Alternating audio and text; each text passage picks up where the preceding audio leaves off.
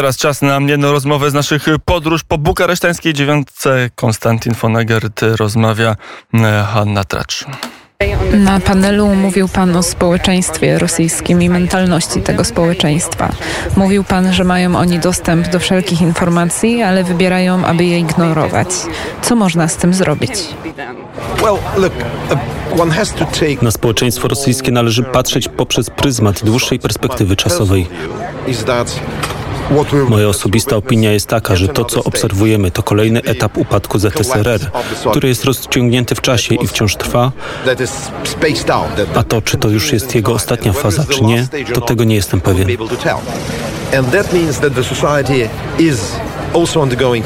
I to oznacza, że społeczeństwo rosyjskie wciąż przechodzi zmianę, jest straumatyzowane przez tę niestabilność i myślę, że Putin to bardzo dobrze wykorzystał, aby pokazać siebie w roli stabilizatora, kogoś, kto scala Rosję.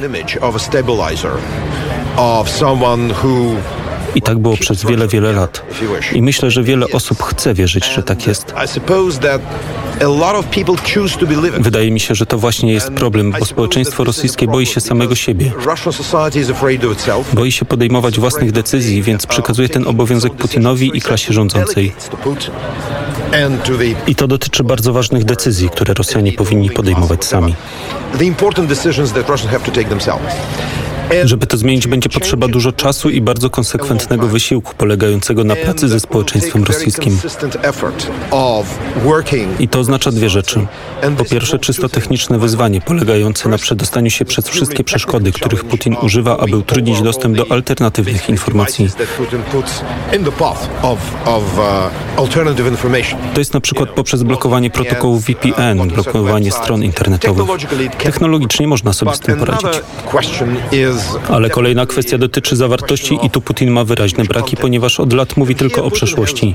Właściwie Rosję Putina można porównać do samochodu, w którym szyby są zasłonięte czarnym materiałem albo zamalowane, a odkrytym jest tylko lusterko wsteczne. Tak więc za każdym razem, kiedy coś mówi, to opowiada o wspaniałej przeszłości, o wojnie i tak dalej, ale nigdy, a przynajmniej od co najmniej 10 czy 15 lat nie malował żadnej wizji przyszłości.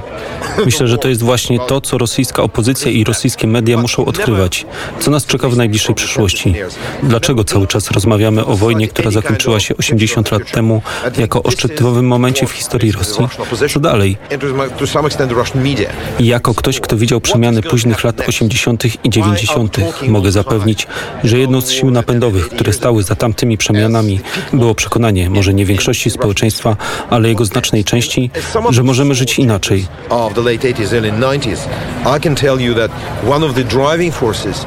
Był nawet taki bardzo znany film dokumentalny o tytule Tak nie można żyć. Myślę, że jest to swego rodzaju informacja, że rosyjscy intelektualiści, rosyjska opozycja i do pewnego stopnia rosyjskie media mają za zadanie uświadomić Rosjanom, co czeka nas w najbliższej przyszłości. Jak możemy żyć godnie w dobrobycie i bezpieczeństwie, bez konieczności napadania na inne kraje.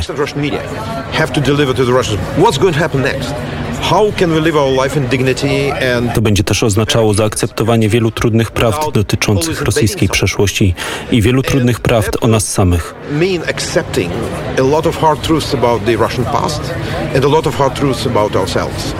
I na to trzeba być przygotowanym.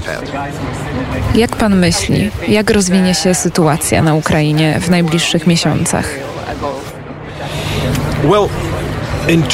Jeśli chodzi o czysto militarny aspekt, to nie jestem pewien. Wydaje się, że dopiero zobaczymy ze względu na trwający proces szkolenia, jaki wpływ będą miały dostawy broni z zachodu na Ukrainę.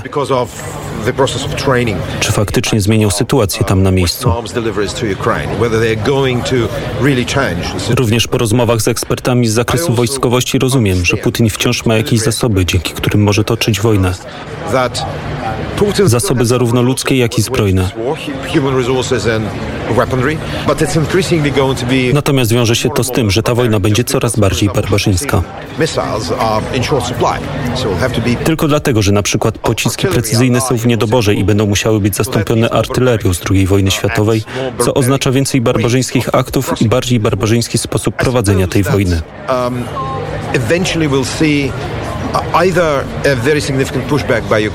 Przypuszczam, że z czasem zobaczymy albo bardzo silny odpór ze strony Ukraińców, albo jakąś stabilizację na froncie i swego rodzaju wojnę statyczną.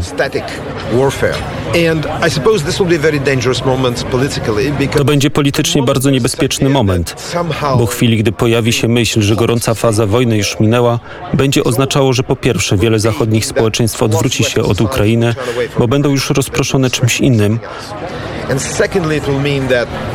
immediately after that.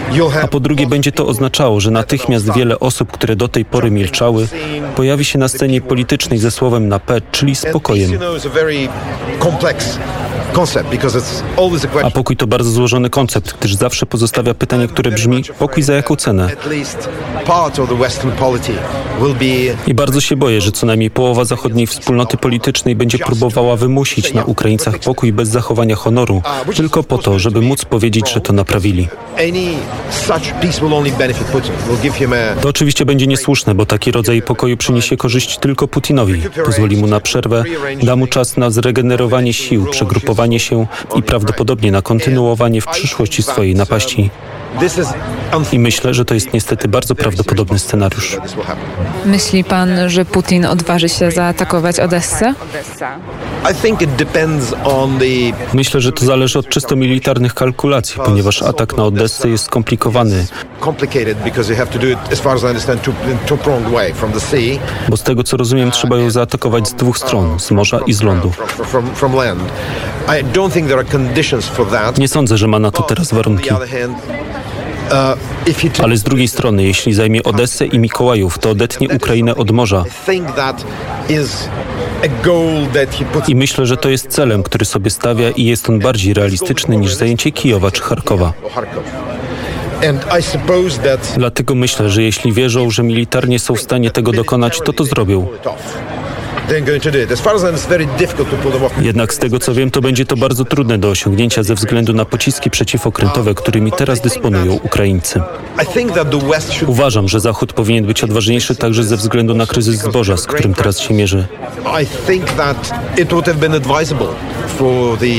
To byłoby wskazane, aby NATO przeprowadziło na basenie Morza Czarnego manewry, korzystając z prawa swobodnej żeglugi, żeby pokazać Putinowi, że Morze Czarne to nie jest jego staw. A teraz, gdy flota czarnomorska jest osłabiona przez ukraińskie uderzenia z ostatnich miesięcy, prawdopodobnie jest najlepszy moment, żeby to zrobić. Szczerze mówiąc, to taka obawa, że czegokolwiek by się nie zrobiło, skończy się eskalacją, gra na korzyść Putina. On zawsze chce sprawiać wrażenie, jakby mówił, o, jak coś traficie, będę wtedy wściekły, że mnie rozsadzi. Tak nie jest. On zna swoje ograniczenia i jego generałowie też znają swoje. Rosyjska armia nie jest w dobrym stanie. Rosyjska marynarka na pewno nie jest w dobrym stanie. Dlatego uważam, że trzeba przejrzeć przez buńczuczność i propagandę Putina. Jest pan Rosjaninem mieszkającym w Europie i zapewne zna pan wielu Rosjan, którzy żyją w Europie. Czy oni mają jakiś inny punkt widzenia dotyczący propagandy Putina od tych żyjących w Rosji? No, nie, myślę, że większość Rosjan, którzy wyjechali, nie wspierają Putina. Inną sprawą jest to, że część z nich doszła dość późno do takiego przekonania, że Putin jest zły dla Rosji i dla nich. Niektórzy doszli do tego dawno temu, niektórzy mieli ekonomiczne motywacje, żeby wyjechać, inni polityczne. Ludzie są różni, więc każdy miał inne powody do wyjazdu. Myślę, że z czasem to będzie stawać się coraz bardziej oczywiste, że Putin jest po prostu zły dla Rosji.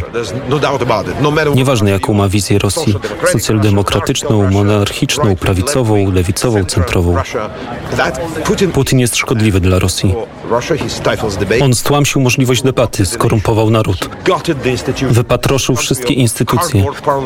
To jest państwo kartonowego parlamentu, kartonowej policji, kartonowej prokuratury, kartonowych mediów publicznych. To wszystko jest fasadą. Rosja Putina stała się sceną teatralną i to zgniłą. Uważam, że należy utrzymać rosyjskie społeczeństwo razem. Należy zapobiec jego dalszemu głębszemu podziałowi niż ten, który już teraz istnieje, a jest spowodowany przez ciągłe pranie mózgów przez Putina. To, co Putin sprzedawał rosyjskiemu społeczeństwu przez co najmniej ostatnie 10 lat było bardzo proste. To był cynizm i kompleks ofiary. To zajmie długi czas, aby wyciągnąć z tego Rosjan, ale kiedyś trzeba zacząć. Więc jaka jest w tym wszystkim rola mediów? Media będą musiały w tym odegrać swoją rolę. Społeczeństwo cywilne, jednostki, bo teraz każdy, kto ma coś ważnego do powiedzenia, może być medium. Dziennikarze tracą monopol w zakresie swojej pracy. Trzeba mieć realistyczny optymizm w stosunku do Rosji, ale nie można myśleć o stanie tego społeczeństwa w sposób romantyczny, ale nie można też jej zostawić i się od niej odwrócić. Takie odwrócenie się od Rosji też będzie niebezpieczne, bo to jest mocarstwo nuklearne. I jeśli zacznie się załamywać, to wszyscy to odczujemy. Więc w taki sposób należy działać. Trzeba pracować nad tym społeczeństwem i dać mu się zregenerować. To musi zostać zrobione, ale to będzie bardzo długotrwały projekt.